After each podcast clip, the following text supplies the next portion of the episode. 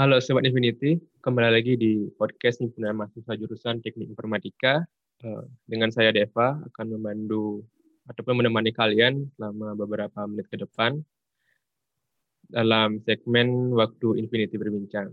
Nah, di sini sudah kita sudah bersama koordinator prodi ilmu komputer yaitu Bapak Penagung Gede Yudi Paramarta selaku koordinator prodi ilmu komputer. Jadi sebelum itu Uh, gimana kabarnya Pak hari ini? Ya baik, uh, saya di rumah saja nih karena masih pandemi. Hmm, cuma semoga saja apa namanya pandeminya segera berakhir ya. Oke, jadi semoga cepat kita bisa bertemu di kampus untuk belajar bareng-bareng.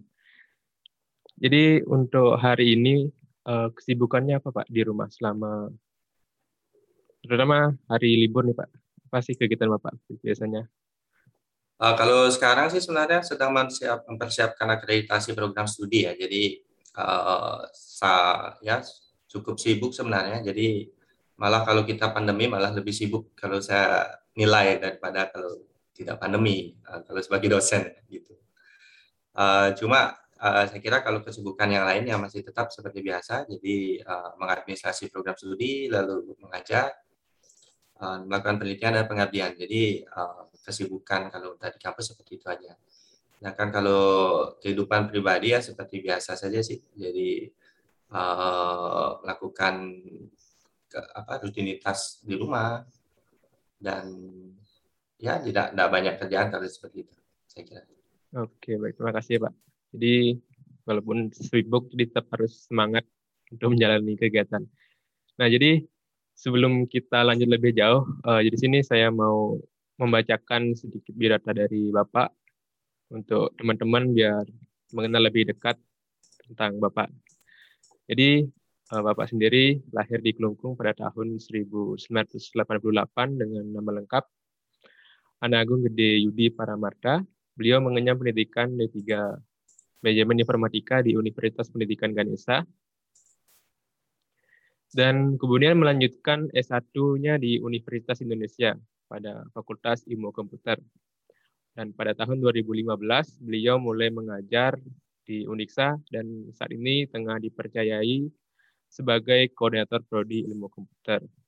Selain mengajar, selain sebagai tenaga pengajar, eh, Bapak juga atau memiliki pengalaman di dunia industri sebagai programmer dan analis sistem.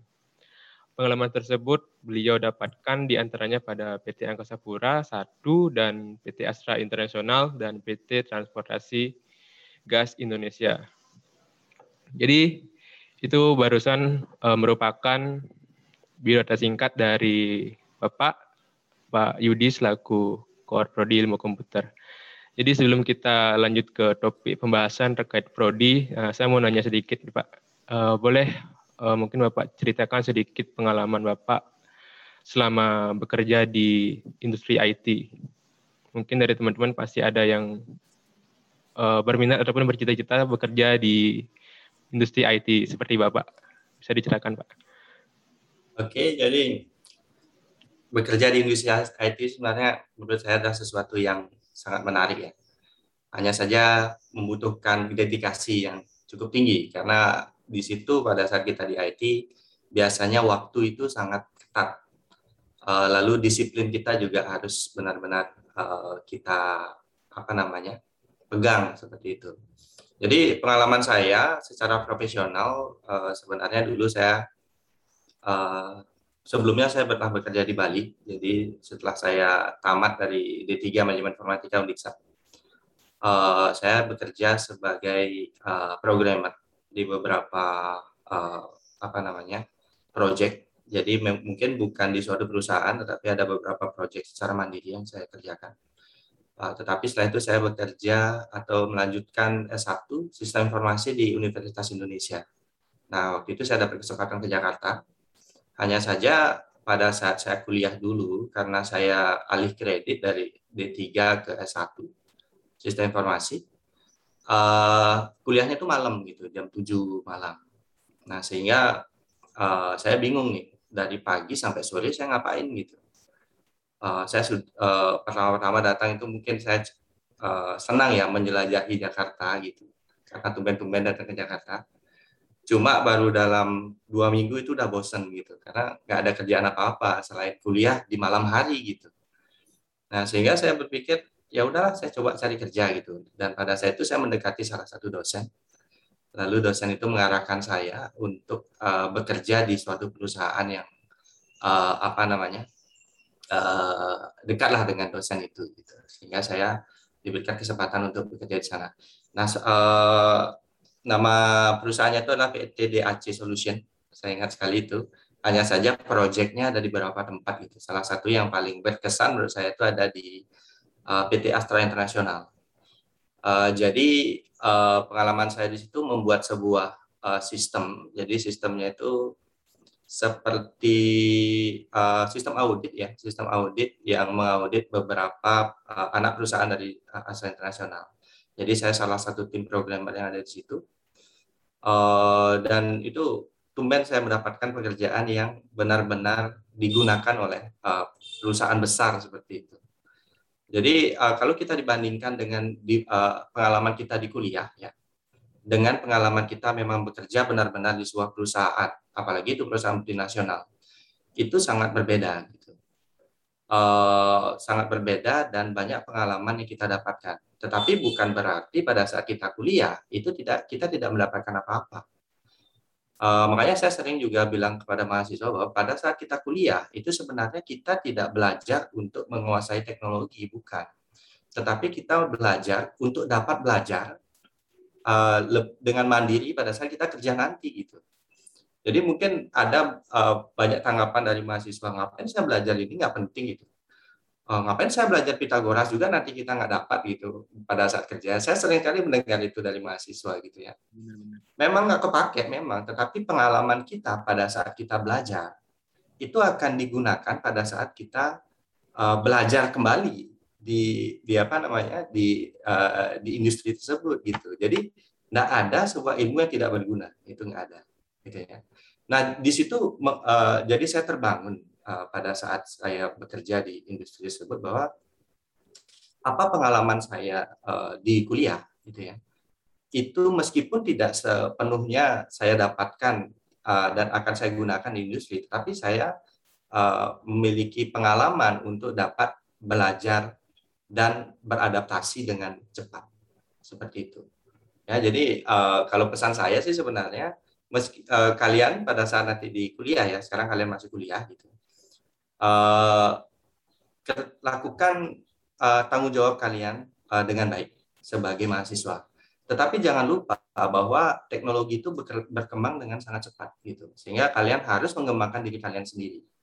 Jangan cuma kalau di kuliah, kalau saya lihat di kuliah kan kalau kita belajar bahasa pemrograman paling yang diajarin uh, C++ gitu ya. Itu pertama biasanya lalu uh, di OOP kita belajar Java gitu ya lalu umpamanya programan web tadi kita belajar beberapa framework dan langsung mungkin di machine learning kita belajar Python sedikit gitu ya. Tetapi di luar itu sebenarnya sangat banyak uh, teknologi yang harus kita ikuti gitu ya.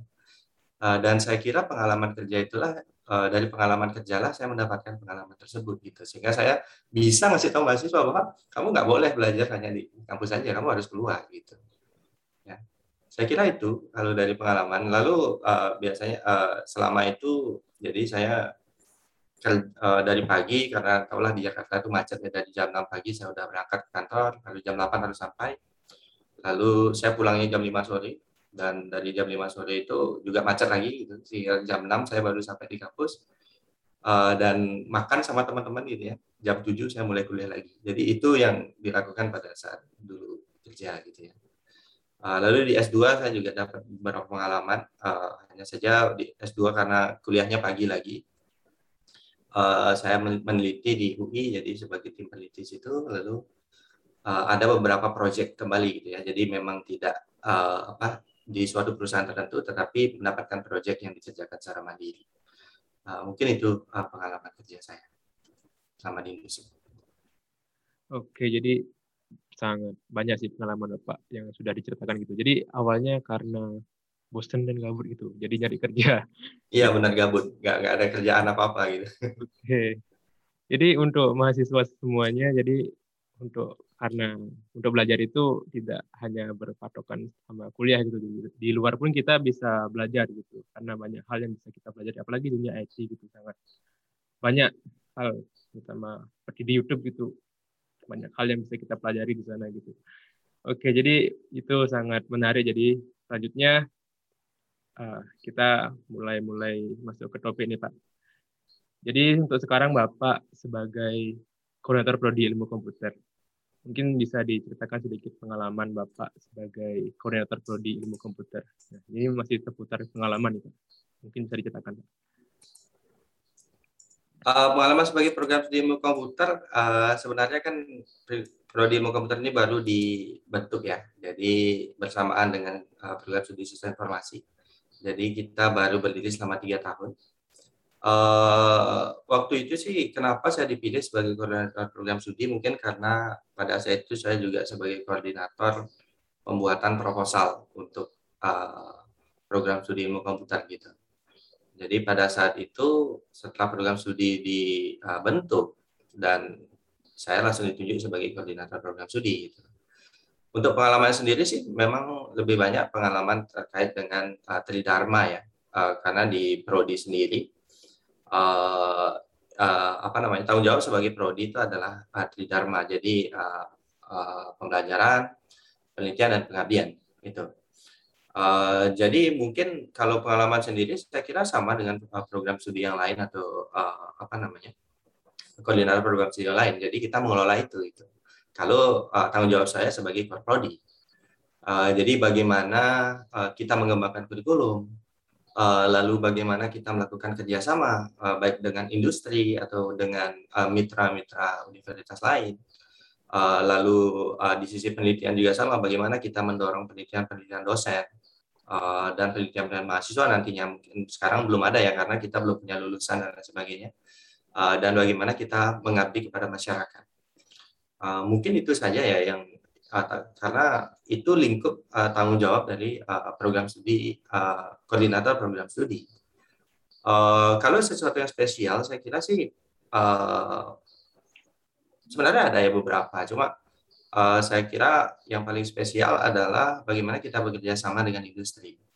Itu saya kira sesuatu yang menjadi uh, sesuatu yang paling challenging menurut saya gitu ya. Karena kalau kita lihat di industri sendiri uh, banyak industri yang sebenarnya ingin bergabung dengan kita tapi uh, banyak juga industri yang ingin kita bergabung dengan mereka. Hanya saja banyak challenge yang harus kita lakukan di sana gitu uh, mungkin itu saja yang bisa saya sampaikan ya terkait dengan bagaimana tanggung jawab saya sebagai koordinator program studi gitu. Oke, baik terima kasih Bapak. Jadi harus selalu bertanggung jawab sebagai koordinator program studi karena uh, tugas-tugasnya memang banyak dan harus tetap fokus juga. Oke, jadi itu barusan uh, pengalaman Bapak sebagai koordinator program studi ilmu komputer. Oke, jadi selanjutnya uh, saya mau nanya terkait prodi. Jadi sudah menuju ke prodi nih. Uh, saya ingin bertanya terkait dengan gambaran umum dari program studi ilmu komputer. Mungkin teman-teman masih banyak yang tahu, terutama yang ingin masuk di prodi ilmu komputer. Gitu. Pasti belum tahu gitu. Mungkin bisa dijabarkan dari Bapak, biar teman-teman tahu. Oke, uh, di prodi ilmu komputer, jadi kalau kita tahu sendiri, mungkin banyak juga masyarakat ya secara umum itu masih tidak tahu apa sih perbedaan antara beberapa program studi yang ada di dunia ini, termasuk juga di Undiksa ya. Jadi mungkin yang paling jelas adalah PTI mungkin ya, karena kalau kita lihat PTI di situ ada nama pendidikannya. Jadi memang uh, ditujukan untuk uh, menelurkan apa calon pendidik gitu ya. Jadi saya kira itu sangat jelas.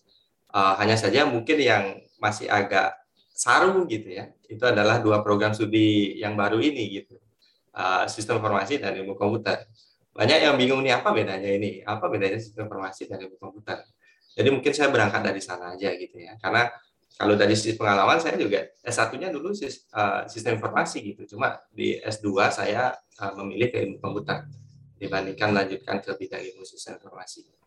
Seperti itu. Jadi kalau kita uh, lihat dari uh, bidang keilmuan di uh, uh, komputer uh, di bidang komputer gitu ya. Jadi ada beberapa bidang. Kita bisa lihat dari beberapa aspek. Yang pertama adalah uh, dari uh, aspek uh, hardware gitu ya, perangkat keras lalu di atasnya dia akan melihat sistem arsitektur. Jadi seperti bagaimana jaringan dan lain sebagainya gitu ya. Baru ke atasnya kita berbicara tentang bagaimana software itu dikembangkan atau metode-metode software itu dikembangkan. Dan di atasnya ah, baru ada yang disebut dengan aplikasi. Dan di atasnya lagi ada yang disebut dengan isu organisasi. Gitu ya. Jadi ada lima aspek itu yang harus kita lihat. Nah, ah, di mana letaknya ilmu komputer? Gitu. Ilmu komputer itu dia ah, tidak banyak berbicara tentang komputer hardware. Jadi dia tidak banyak berbicara tentang bagaimana sih uh, hardware itu dibuat gitu ya. Karena itu adalah bidangnya lebih dekat ke uh, elektro atau mesin mungkin ya, elektro dan mesin, uh, electrical engineering. Lalu kita juga tidak banyak membahas terkait dengan isu organisasi gitu. Meskipun kita apa namanya uh, uh, menyinggung tentang isu organisasi, tetapi itu bukan core keilmuan dari uh, ilmu komputer. Nah, sehingga yang tiga di, di tengah itu itulah yang yang akan menjadi uh, core ilmu komputer. Jadi yang pertama adalah sistem infrastruktur. Ya. Lalu yang kedua adalah sistem uh, sorry uh, software method atau bagaimana metode-metode uh, untuk uh, pengembangan software yang efektif dan uh, efisien dan sebagainya, algoritmanya seperti apa. Lalu yang di atasnya adalah uh, uh, aplikasi pengaplikasian dari metode-metode tersebut seperti itu. Nah maka dari itu sistem uh, ilmu komputer itu akan ada tiga uh, apa namanya uh, bidang keilmuan atau bidang konsentrasi atau kita sebut sebagai profil lulusan. Yang pertama adalah uh, kita lihat dari bawah dulu ya gitu. Ya. Jadi kita berbicara tentang uh, IT infrastructure. Jadi bagaimana infrastruktur IT itu uh, mendukung proses-proses yang ada di atasnya seperti itu. Jadi kalau kita lihat di sini ya terkait dengan umpamanya uh, jaringan komputer, lalu uh, komputasi awan, uh, apa namanya IoT ya, Internet of Things dan uh, kita juga sedikit membahas tentang robotik. Lalu kita lihat juga di atasnya kembali ada yang disebut dengan pengembangan perangkat lunak. Jadi itulah profil kedua kita. Jadi dari pengembangan perangkat lunak itu ya bagaimana algoritmanya, lalu apa teknologi-teknologi yang yang uh, apa namanya uh, melandasi perangkat lunak tersebut lalu bagaimana basis data yang harus dikembangkan untuk untuk mendukung perangkat lunak yang kita kembangkan gitu dan profil yang ketiga adalah profesional di bidang ilmu data di sistem dan ini sudah di bidang aplikasi gitu ya. Bagaimana metode-metode software itu bisa kita kembangkan untuk dapat mengelola data yang besar gitu big data? Lalu bagaimana supaya sistem-sistem yang kita kembangkan itu dapat uh, bekerja dengan cerdas. Jadi kita masuk ke artificial intelligence dan sebagainya. Jadi kalau kita bicara tentang uh, pro, profil program studi ilmu komputer di Unix atau ada tiga. Yang pertama itu adalah pengembangan perangkat lunak, gitu ya. Yang kedua adalah uh, di bidang ilmu data dan sistem cerdas. Dan yang ketiga adalah tentang sistem arsitektur dan keamanan teknologi informasi. Nah, itu yang bisa saya sampaikan terkait dengan apa sih ilmu komputer itu ya. Jadi berbeda dengan sistem informasi, mungkin saya sedikit menyinggung tentang sistem informasi. Jadi yang di atas itu dari lima bidang yang tadi saya uh, sebutkan. Informasi itu dia kan uh, banyak membahas tentang apa namanya isu organisasi gitu ya. Jadi mungkin itu mungkin perbedaan yang paling kentara antara ilmu komputer dan sistem informasi gitu ya. Karena di ilmu komputer memang membahas tentang isu organisasi tetapi tidak dalam seperti itu. Jadi itu yang bisa saya sampaikan terkait dengan program studi komputer secara Oke, baik. Terima kasih Bapak. Jadi sudah lengkap dan detail disampaikan oleh Bapak ini terkait dengan apa sih itu program studi ilmu komputer gitu. Jadi masing-masing prodi itu memang ada cirinya gitu, ada yang membedakan itu. Jadi teman-teman itulah uh, prodi ilmu komputer. Jadi kalian bisa paham jadinya sekarang dan sudah bisa lebih menyiapkan diri gitu untuk join di program studi ilmu komputer. Sudah lengkap disampaikan oleh Bapak gitu. Oke, jadi itu tadi uh, tentang apa sih program studi ilmu komputer. Nah, ini uh, selanjutnya saya ingin bertanya terkait profil lulusan. Jadi mirip-mirip yang mungkin sudah ada disinggung barusan oleh Bapak. Bagaimana sih profil lulusan ilmu dari prodi ilmu komputer? Mungkin bisa disampaikan Bapak. Ya dari dari tiga kategori yang saya sebutkan tadi saya, uh, barusan ya, jadi infrastruktur, uh, software method dan uh, application, kita menelurkan tiga profil lulusan. Yang pertama itu adalah uh, pengembang perangkat lunak. Jadi uh, bagaimana metode-metode untuk mengembangkan sebuah perangkat lunak, mulai dari algoritmanya hingga uh, perangkat lunak itu dapat digunakan. Uh, kita sebut sebagai software testing dan deployment, gitu ya. Jadi di situ mungkin kalau kita lihat dari mata kuliah-mata kuliah yang akan muncul itu ya, ya terkait dengan web development, lalu uh, mobile application development, uh, mungkin juga kita menyinggung tentang uh, teknologi-teknologi kreatif seperti umpamanya VR, uh, AR development, dan di situ juga pasti ada software testing, lalu software management uh, dan uh, algoritma seperti itu ya. Dan uh, yang profil yang kedua itu terkait dengan ilmu data dan sistem cerdas. Jadi kalau kita berbicara tentang ilmu data dan sistem cerdas, ini uh, membahas tentang bagaimana sih permasalahan-permasalahan real yang ada di uh, dunia ini dapat dipecahkan dengan uh, sistem cerdas atau artificial intelligence. Dan tentu saja kalau kita berbicara tentang data, ini tidak lepas dari yang disebut dengan big data. Bagaimana kita mengolah data-data uh, yang berukuran uh, besar. Nah, yang yang dimaksud big data ini sebenarnya sih bukan hanya ukurannya ya, tetapi jenis datanya yang Eh, beragam, lalu kecepatan datanya yang sangat cepat dan lain sebagainya. Eh, dan mungkin mata kuliah yang ada di situ ya, yang eh, dapat diambil seperti umpamanya artificial intelligence, lalu data science, machine learning, digital image processing, dan beberapa mata kuliah-mata kuliah lainnya. Lalu profil yang ketiga adalah sebagai profesional di bidang infrastruktur infrastruktur TI dan keamanan teknologi informasi. Jadi uh, dari komputer itu uh, tentu saja kita membutuhkan suara infrastruktur. Okay. Jadi mungkin kita tidak membahas uh, terkait dengan secara spesifik terkait dengan hardware atau bagaimana dalamnya hardware itu tidak, tapi bagaimana kita merancang sebuah arsitektur untuk mendukung software-software uh, atau sistem-sistem uh, yang ada di atasnya. Jadi itu. Jadi kita di sini terkait uh, apa namanya uh, computer network, lalu uh, cloud computing, uh, dan suatu yang menarik mungkin tentang parallel programming gitu ya. Karena kalau kita lihat sekarang prosesor-prosesor kita itu multi core prosesor gitu ya.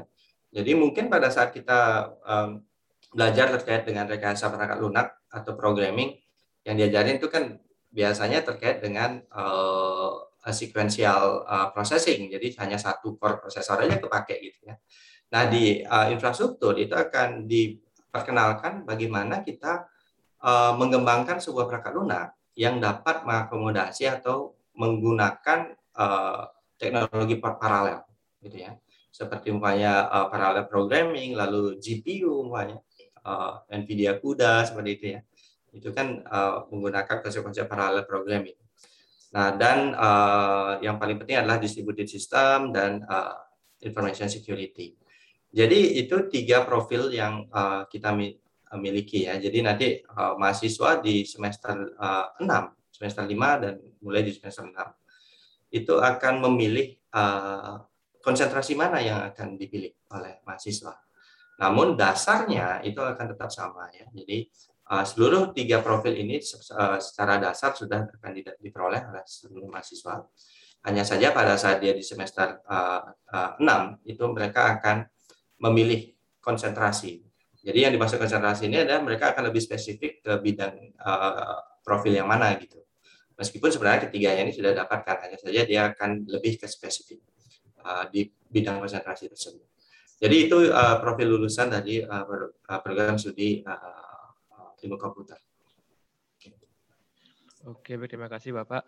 Jadi itu dia tadi uh, profil lulusan dari prodi ilmu komputer itu ada tiga gitu. Jadi teman-teman ataupun mahasiswa yang masih kuliah di program studi ilmu komputer mungkin bisa dari sekarang itu mempersiapkan diri. Nanti kita mau lulus tuh mau jadi apa gitu. Kan sudah dijabarkan dengan lengkap oleh Bapak itu barusan. Jadi bisa mempersiapkan diri dari sekarang. Itu pun juga ilmu baru bagi saya juga ataupun mahasiswa yang lain gitu. Oke, jadi itu barusan uh, profil lulusan dari ilmu komputer. Jadi selanjutnya uh, saya mau nanya terkait uh, alasan kenapa sih kita harus bergabung ataupun berkuliah di program studi ilmu komputer gitu. Mungkin bisa diberikan alasannya Pak, kenapa kita harus join di ilmu komputer gitu? Yang paling simpel jawabannya adalah kalau kalian suka komputer, ya masuk di program studi ilmu komputer. Seperti itu aja. Oke, okay, ya, benar. Benar, benar. ya, tetapi lebih spesifik lagi ya kita lihat profil lulusan kita ya. Jadi kalau kita lihat sendiri, eh, banyak orang yang berpikir bahwa uh, di ilmu komputer itu belajar tentang desain gitu umpamanya ya uh, web uh, bukan web design seperti video editing dan lain sebagainya nah kadang-kadang banyak yang berpikir bahwa itu ilmu komputer gitu ya tapi itu bukan ilmu komputer gitu kalau umpamanya memang mencari seperti itu mungkin saya jelaskan dari dari sekarang aja gitu ya karena saya lihat ada beberapa mahasiswa yang menganggap seperti itu gitu dan mereka beranggapan bahwa saya salah jurusan nah mungkin saya terbalik caranya bilang bahwa kalau banyak kalian berpikir seperti itu, jangan di ilmu komputer gitu aja dulu ya. Gitu karena kalau kita lihat di ilmu komputer itu adalah orang-orang yang memang suka dengan komputer. Dalam hal ini adalah seperti algoritma, eh, logika, dan bagaimana kita mengembangkan perangkat lunak itu semuanya. Lalu uh, suka dengan infrastruktur seperti umpamanya jaringan, uh, jaringan komputer, cloud computing gitu ya, atau mungkin perangkat-perangkat uh, IoT, lalu banyak yang yang ingin uh, masuk ke dalam uh, dunia uh, sistem cerdas seperti artificial intelligence, data science, uh, dan uh, anak-anaknya seperti itu ya. Nah seperti itu. Jadi uh, kalau kita berbicara tentang ilmu komputer, itu sebenarnya orang-orang yang suka dengan konsep komputasi, logika, matematika, uh, lalu algoritma, yang itu sangat penting menurut saya. Tetapi jangan takut bahwa uh, saya tidak begitu menguasai tentang itu, umpamanya saya tidak begitu menguasai tentang matematika. Apakah saya uh, tidak boleh di ilmu komputer gitu? Bisa saja gitu ya, tidak masalah. Saya sendiri secara pribadi saya tidak menguasai secara detail tentang konsep-konsep matematika. Kalau umpamanya kalian yang dari SMA gitu umpamanya ya, nanya ke saya Pak, ini gimana caranya melakukan uh, perhitungan ini uh, secara matematis gitu ya mungkin saya tidak bisa menjawab itu gitu. Tetapi yang ditekankan oleh uh, di ilmu komputer itu adalah logika. Ya. Bagaimana logika komputasi itu dapat kita pikirkan. Nah, sehingga orang-orang yang suka de dengan matematika itu kan syarat dengan logika gitu ya. Orang yang suka fisika dan lain sebagainya itu mungkin orang-orang suka yang syarat dengan logika. Dan saya kira orang-orang tersebut sangat cocok di ilmu komputer, gitu ya. Uh, dan tentu saja yang suka ngoprek komputer itu yang pastinya itu ya. ya dan saya sendiri sebenarnya kenapa saya dulu masuk di uh, bidang ilmu komputer ya informatika itu adalah karena saya suka ngoprek komputer gitu. Saya suka dengan komputer. Entah itu main game gitu banyak ya. Saya kira banyak mahasiswa yang datang ke sini, saya tanya beberapa mahasiswa, kenapa kamu di komputer? Karena saya suka main game, Pak. Itu adalah suatu uh, apa namanya? uh, alasan yang valid menurut saya gitu ya. Mungkin dari kesukaannya dia main game, dia uh, berkeinginan untuk mengembangkan uh, game uh, sebuah game gitu semuanya. Ya. ya kita bisa mulai dari ilmu komputer gitu. Ya. Uh, dan uh, banyak hal yang terkait dengan ilmu komputer yang uh, menarik menurut menurut saya ya gitu. Jadi uh, karena teknologi itu berkembang dengan pesat, lalu uh, hampir semua sekarang yang ada di dunia ini membutuhkan komputer ya. Buka, kayaknya sih semua ya udah nggak ada lagi yang enggak gitu. Pertanian pun sekarang juga pakai komputer gitu ya. Paling nggak kalau umpamanya Pak Tani itu lagi nungguin sawahnya, ya buka HP gitu kan sekarang gitu. Ya, Jadi yeah, yeah. semuanya kan uh, ada di bidang komputer ini. Jadi kalau kita lihat uh, peluang kerjanya, saya kira sangat besar. Meskipun tidak uh, pada saat lulus mungkin tidak ada tidak di bidang ilmu komputer yang benar-benar ilmu komputernya gitu ya tetapi mungkin akan menjadi support dalam uh, apa namanya bidang-bidang yang lain dan itu saya kira kita dorong juga di program studi untuk mengembangkan ilmunya di luar di bidang ilmu komputer hanya saja dihubungkan dengan apa yang mereka ketahui di uh, ilmu komputer saya kira itu Oke, jadi yang pertama kalau emang suka dengan komputer ya silakan join di ilmu komputer jadi gitu Pak ya. Yeah. Jadi bisa juga dari peluang kerja memang sangat besar ya di dunia terutama di dunia IT memang sangat besar untuk peluang kerjanya. Dan juga barusan uh, dijelaskan juga sama Bapak biar nggak salah kaprah gitu ilmu komputer itu biar nggak oh ini ini ini loh yang sebenarnya di komputer gitu biar nggak salah kaprah. Ya, uh, mungkin saya gini kan sedikit kemarin ya. Uh, kita kan punya mata kuliah lintas prodi ya. Uh, sehingga ada beberapa mahasiswa dari lintas prodi akan datang ke komputer. Lalu ada satu mata kuliah disebut dengan teknologi multimedia gitu. Ya. Nah, teknologi multimedia yang dimaksud ini bukan kayak ngedit video, bukan seperti itu. Tetapi bagaimana komputer itu mengolah data-data multimedia seperti itu. Jadi umpamanya sound processing, lalu image processing itu bagaimana sih dilakukan gitu ya. Jadi bukan kita menjadi uh, orang yang edit video lalu uh, membuat uh, Photoshop bukan bukan ya. Jadi itu pun juga dari mahasiswa kita pun yang sudah mahasiswa um, bukan dari ilmu komputer ya, tetapi mahasiswa yang di luar ilmu komputer itu pun juga kadang-kadang masih salah kaprah terkait dengan itu. Dan mungkin saya dari sekarang saya harus sudah menyampaikan itu bahwa di ilmu komputer itu bukan terkait dengan itu gitu. Kalau umpamanya itu mungkin lebih dekat ke DKV ya. desain dan komunikasi visual mungkin itu lebih dekat gitu.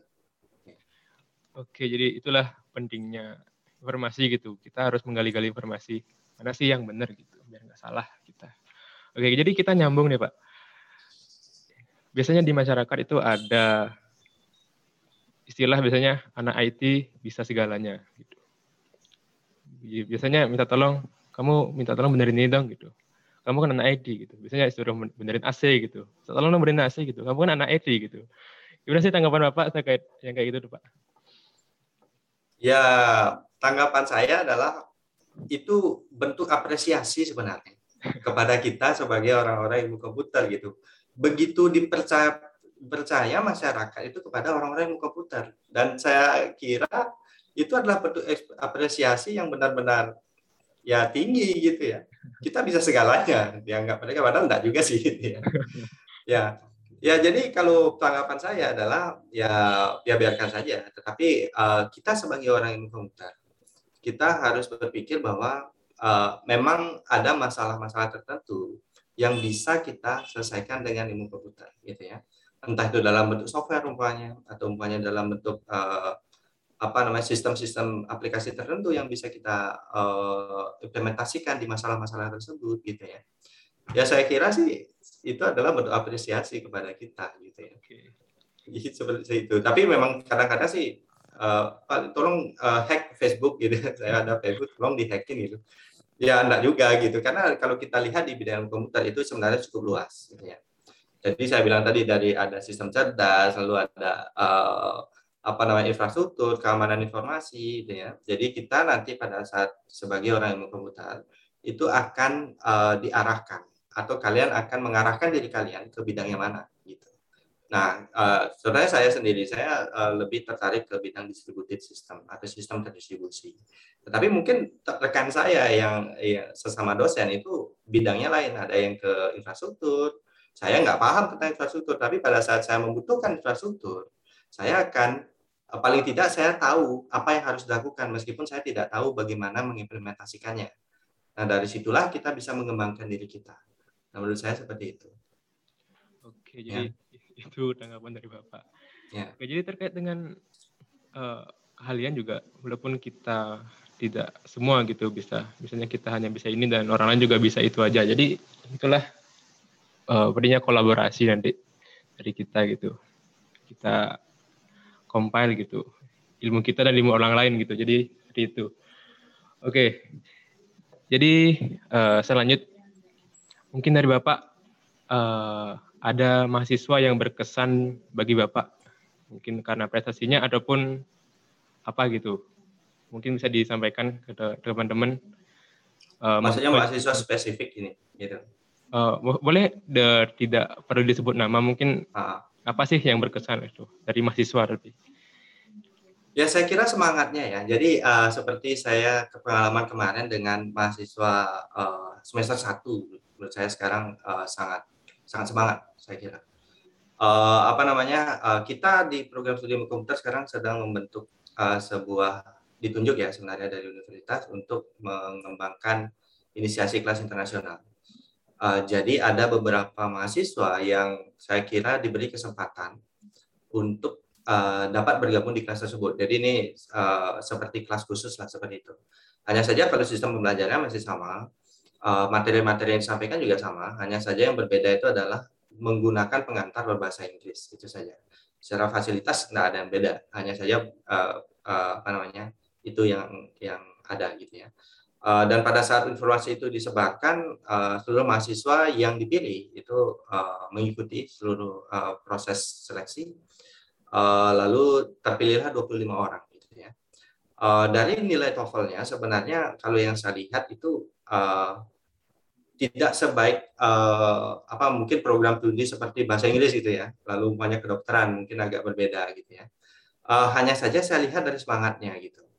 Mereka tuh semangat untuk berdedikasi atau benar-benar uh, uh, ingin menggunakan bahasa Inggris uh, uh, uh, dalam perkuliahan tersebut meskipun saya lihat juga eh, dosen-dosen juga masih terbata-bata gitu ya. Saya sendiri juga masih juga terbata-bata gitu. Mahasiswa apalagi seperti itu ya banyak juga yang terbata-bata. Hanya saja dari semangat mereka, mereka berusaha untuk mengeluarkan uh, kemampuannya untuk mau menggunakan bahasa Inggris gitu umpamanya.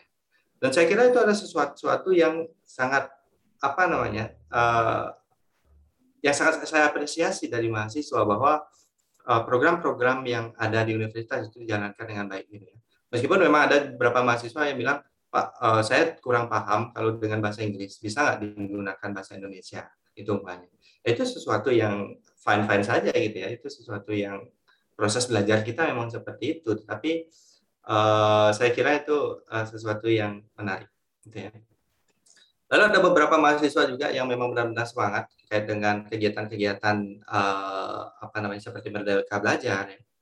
lalu kegiatan-kegiatan yang terkait dengan magang, uh, perlombaan gitu ya. Itu juga saya kira banyak yang ikut. Ada beberapa orang yang uh, kami sudah sangat percaya gitu. Kami sudah sangat percaya sehingga apa pun yang ada itu biasanya uh, mereka dulu yang akan kami panggil gitu ya meskipun tidak menutup kemungkinan untuk seluruh mahasiswa dapat berkontribusi atau berpartisipasi di sana. Gitu. Ya, saya kira itu. Oke, jadi hal yang barusan itu semangat mahasiswa gitu. Jadi ya. mahasiswa itu semangat untuk mencoba, semangat untuk belajar gitu. Jadi kalau misalnya kita nggak bisa, kalau nggak dicoba kan nggak bakalan bisa. Jadi gitu. Saya sering bilang sama mahasiswa gini, kalau nggak mulai sekarang, kapan kalian mulai? Kapan kalian bisa? Gitu ya. Ada uh, mungkin ada yang bilang, Pak, saya kan nggak bisa jadi saya nggak mau sekarang gitu. Ya kembali lagi gitu. Kalau kamu tidak mulai sekarang kapan kamu mulai? Dan kapan kamu akan bisa gitu ya? Iya, jadi mungkin itu yang harus kita tanamkan kepada mahasiswa-mahasiswa kita gitu. Kita mulai aja dulu meskipun kacau gitu. Ya ini masih proses belajar gitu. Saya kira tidak masalah. Gitu. iya benar. Memang di awal itu ya memang harus Besar, kita harus ya. mulai dari awal gitu. Harus mulai dari yang jelek baru kita mau ke bagus gitu. Nggak mungkin kan kalau misalnya baru mulai langsung bagus enggak sekarang gitu. Oke jadi itu mungkin sedikit pesan juga dari bapak. Nah jadi kita masuk ke sesi terakhir nih pak. Mungkin uh, bapak uh, bisa kasih memberikan saran ataupun kata-kata penyemangat untuk mahasiswa ataupun calon mahasiswa yang saat ini uh, ingin bergabung ataupun sedang berkuliah di program studi ilmu komputer. Ya, uh, jadi saya kira sebagai mahasiswa ya mungkin uh, secara umum sebagai mahasiswa itu kita harus punya dedikasi sebenarnya pada uh, pada uh, program yang akan kalian jalankan sebagai selama empat tahun di sini, gitu ya. Jadi dalam yang saya maksud sebagai dedikasi itu adalah pertama disiplin, gitu ya. Disiplin menjalankan seluruh proses uh, pembelajaran yang ada di uh, universitas Lalu yang kedua itu adalah tepat waktu ya mungkin itu masih terkait dengan disiplin cuma saya biasanya saya lepas antara disiplin dengan tepat waktu gitu ya. Kalau umpamanya jam 8 ya jam 8 gitu ya. Kalau umpamanya jam 7 ya jam 7 gitu. Kita harus tepat waktu meskipun umpamanya kalian umpamanya terlambat dan lain sebagainya paling tidak kasih tahu umpamanya gitu ya. Saya akan terlambat berapa lama kalian terlambatnya gitu ya. Umpamanya 15 menit ya bilang 12 menit terlambatnya gitu Jangan saya terlambat satu jam baru datang gitu ya. Itu nggak terlambat lagi, nggak datang namanya gitu ya. Jadi itu yang paling penting. Lalu mendedikasikan diri kalian pada eh, apa namanya? Kalau kita lihat di ilmu komputer itu pada teknologi. Saya sering bilang pada mahasiswa bahwa kamu baru bangun itu, yang kamu pegang itu adalah teknologi. Benar nggak gitu ya? Pastinya baru kamu bang, kalian bangun itu, baru bangun itu yang kalian pegang adalah HP kan. Saya pun juga seperti itu gitu. Tapi yang perlu kalian pikirkan bahwa kalian sebagai seorang ilmu komputer nantinya itu adalah bagaimana kita memanfaatkan teknologi itu uh, dengan uh, baik gitu, dengan efektif, dengan efisien. Jadi jangan digunakan bahwa HP itu, ya, contohkan HP aja, itu sebagai sarana hiburan saja gitu. Tetapi sebenarnya HP itu juga bisa digunakan untuk pengembangan diri gitu. Jadi contohnya dari apa namanya uh, banyak teknologi yang bisa kita coba implementasikan di HP kita gitu, banyak di komputer kita. Kita mencari informasi-informasi yang baik melalui uh, gadget kita gitu, cara-cara paling simpel. Jadi jangan sampai kita terlena dengan teknologi itu, ya. Tetapi kita manfaatkan teknologi dengan sebaik mungkin dan seefektif mungkin dan seefisien mungkin, gitu ya. Jadi kalau banyak kalian tanya apa sih ada di HP saya, HP saya nggak nggak mahal kok sebenarnya ya, nggak mahal. Jadi 4 jutaan, tapi isinya bermacam-macam ada di situ gitu ya. Mulai dari game gitu ya, sosial media, lalu mungkin uh, banyak eksperimen-eksperimen yang saya lakukan di di gadget saya seperti itu. Dan saya berharap kita nanti sebagai seorang ilmu komputer untuk melakukan hal tersebut. Dan satu lagi adalah kita juga harus berpikir bahwa di teknologi itu selalu berkembang, tidak pernah selesai, dan kita selalu akan ditinggalkan oleh teknologi. Maka dari itu jangan hanya terpaku di perkuliahan saja, gitu. Tidak bisa kalian mengikuti teknologi jika kalian hanya ber, uh, apa namanya di perkuliahan saja. Jangan berpikir bahwa kita udah ngajarin bahasa pemrograman satu gitu ya, kalian sudah menguasai itu gitu. Ya, tapi yang lainnya bagaimana? Kita belajar ke satu, tapi di dunia ini ada seratus gitu. Ya.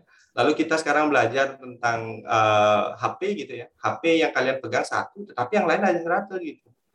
Ya, bagaimana kita bisa menang uh, apa namanya merespon itu kalau kita tidak keluar dari uh, apa namanya program studi ini saya kasarnya saya bilang seperti itu ya kalau kalian tidak belajar keluar dari program studi ini dan satu lagi bahwa uh, di ilmu komputer itu tidak lepas dari bidang-bidang yang lain itu tidak bisa lepas dari bidang-bidang lain. Sehingga kalian juga harus mulai membuka diri, uh, belajar untuk uh, mengembangkan diri kalian di bidang yang lain.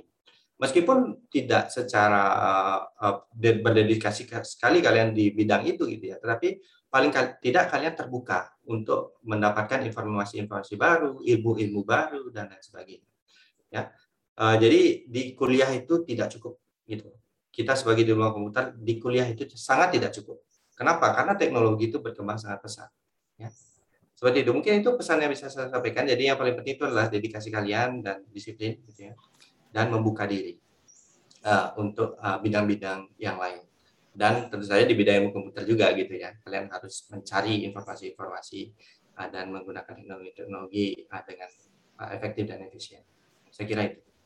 Oke, jadi baik terima kasih Bapak sebelumnya. Ya, itu dah itulah uh, saran ataupun penyemangat dari Bapak untuk mahasiswa ataupun calon-calon mahasiswa yang ingin bergabung di prodi ilmu komputer. Jadi itu bisa digunakan juga sebagai acuan nanti kalian untuk berkuliah ataupun yang ingin bergabung di prodi ilmu komputer. Jadi ada tiga barusan uh, disiplin, dedikasi dan membuka diri terhadap teknologi-teknologi yang ada saat ini. Karena teknologi itu uh, selalu berkembang setiap saat Oke, jadi itu uh, penyampaian dari Pak Yudi selaku koordinator prodi ilmu komputer jurusan teknik informatika. Jadi sudah lumayan uh, kita berbincang. Jadi selanjutnya kita akan masuk ke penutup. Jadi terima kasih saya ucapkan kepada Bapak karena sudah menyempatkan waktunya untuk hadir sebagai narasumber gitu di episode pengenalan program studi bagian ketiga, yaitu program studi ilmu komputer. Eh, baik, terima kasih Bapak. Yang selanjutnya bagi Sobat Infinity semua yang masih penasaran kira-kira apa yang akan kita bahas di episode berikutnya, uh, biar nggak penasaran bisa langsung subscribe channel YouTube HMJ Teknik Informatika ataupun follow Instagram kami di HMJ Teknik Informatika untuk uh, mengetahui informasi-informasi uh, terupdate seputar jurusan Teknik Informatika. Adapun juga uh, podcast ini bisa didengar melalui Spotify jadi akhir kata saya ucapkan mohon maaf kepada Bapak ataupun para pendengar apabila saya ada kesalahan ataupun kata yang kurang berkenan dalam membawakan podcast ini. Sekali lagi terima kasih kepada Bapak saya ucapkan dan Sobat Infinity sekalian yang masih setia mendengarkan podcast ini sampai detik ini. Jadi seperti biasa, sebelum kita mengakhiri uh, perbincangan kita, sebagai penutup podcast, jadi kita harus jargon dulu. Di jargonnya TI Go Teknologi. Jadi kita sama-sama Pak. Satu, dua, tiga. TI Go Teknologi. Go Teknologi. Oke. Jadi saya Deva pamit undur diri. Sampai jumpa di episode berikutnya. Bapak, terima kasih. Baik, terima kasih semua panitia juga uh, dan uh, adik-adik uh, dan masyarakat umum yang sudah ini. Terima kasih semuanya.